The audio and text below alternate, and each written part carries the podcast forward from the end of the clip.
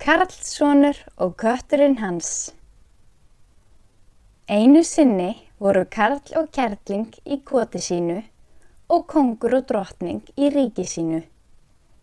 Sögunni víkur fyrst til Karls og Kerlingar. Karlinn var svo ágjarn að hann grætti feikna mikla peninga. Er svo sagt að hann hafi ætíð fengið tvo peninga fyrir einn. Loks kemur að því að Karl tekur sótt og leggst í rekju. Varð svo sótt honum að bana. Karl og Kerling áttu sér eitt svon barna. Fyrstu nóttina eftir lát Karls dreymdi svon hans að honum þótti ókunnur maður koma til sín og segja við sig. Þar leikur þú. Karl fadir þinn er látin og nú er allur hans auður orðin þinn því móður þinn deyr líka innan skams. En þessi miklu auður er ítla fengin að hálfu. Þess vegna skaltu gefa helmingin fátækum en hinum helmingnum skaltu kasta í sjóin. En ef eitthvert lítilræði flýtur ofan á sjónum þegar hitt er sokkið, til dæmis blað eða bref, þá skaltu taka það og hyrða. Síðan hverfur maðurinn, en drengur vaknar. Hann verður nú áhyggjufullur af draum þessum og veltir fyrir sér hvað hann skuli gera og finnst ílt að glata auðnum. Þó verður það úr að hann gefur helmingin fátækum en hinum helmingnum flegir hann í sjóin. Þá fer sem draumaður sagði að hann sér eitthvað fljóta á sjónum. Hann fer til og nær því og finnur að það er blað. Hann flettur í sundur og finnur innan í því sex skildinga.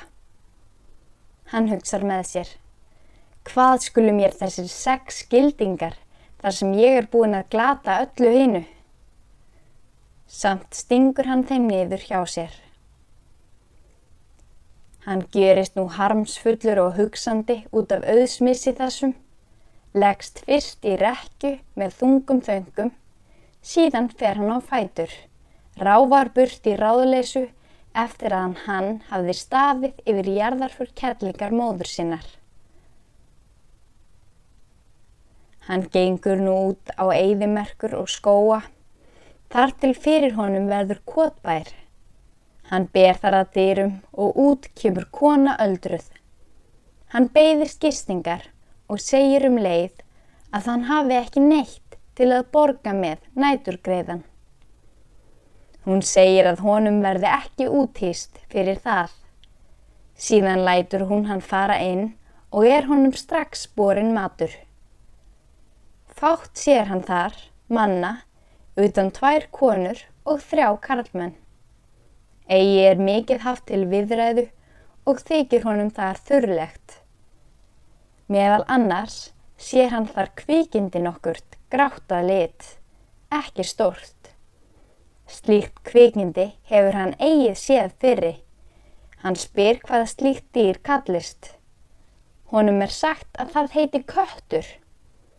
Hann spyr hvort dýrið sé til sölu og er honum svarað að það fáist fyrir sex gildinga.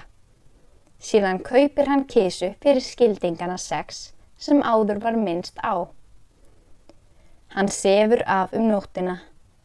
Að morgni hveður hann, stingur kísu inn undir kápuna sína og gengur burt. Hann gengur nú allan daginn yfir skóa og eigðimerkur, uns hann um kvöldið kemur að kotbæ einum. Hann ber að dyrum. Þar kemur út gamall maður. Drengur byður hann gistingar, en hvaðst ekkert hafa að borga með. Það verður þá að gefa þér nætur greiðan, segir Karl, og kontu inn. Síðan leiðir Karl hann til baðstofu. Hann sér þar tvær konur og tvo Karlmenn. Var önnur kona Karls en hinn dóttir.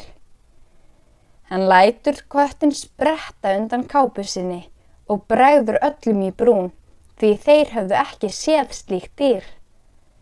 hann sefur í kotinu um nóttina. Að morgni segir bæjarfólk honum að hann skuli ganga til hallar konungs sem hér sé skamt frá. Konungur sá sé góður maður og muni sína honum einhvert velvilja. Síðan fer hann af stað og gengur uns hann kemur til hallar konungs. Hann gerir bóð fyrir konung að hann vilji finna hann, en konungur lætur segja honum að honum sé leifilegt að ganga inn í höllina á fundsinn. Drengur gerir svo. Þegar hann kemur í höllina, sitja menn yfir matarborðum, kongur með hirðsinni. Hann heilsar konungi og hirðmönum hans, en eitt tekir honum fyrðulegt og það er það að hann sér heilmikinn grúa af smákvikindum í höllinni. Eru þau svo nærgöngul að þau hlaupa um borð og diska konungs og geta með honum krásirnar. Já, ég vil býta í hendur hans og hefur hann og hirð hans engan frið fyrir þeim því helmingur krásana verður bráð þegar íllur rækveikinda. Hefur konungur blóðurisa hendur eftir tennur þeirra þó hann reyni að hrinda þeim frá sér og verja matsinn.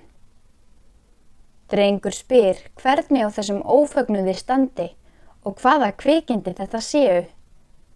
Kongur segir þau heiti róttur og hafi í mörg ár veitt sér yllar árásir og skada og hann viti ekkert ráð á móti þessu.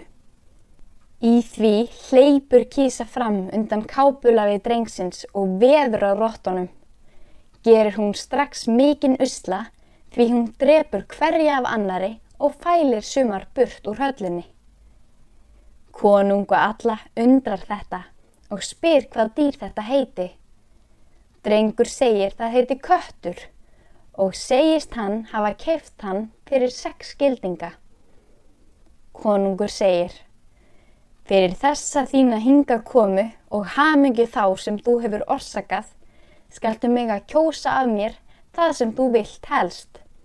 Hvort þú vilt heldur vera aðstir ágjafi minn eða eignast dóttur mína og fá ríkið eftir mig. Drengur hveðst myndu kjósa dóttur hans og ríkið úr því að hann mætti velja. Síðan er drukkið brúðkaupið og að því loknu sendir drengur eftir bændum þeim sem höfðu veitt honum húsaskjól og gerir þá að ráðgjöfum og að konungi látnum tekur hann ríkið.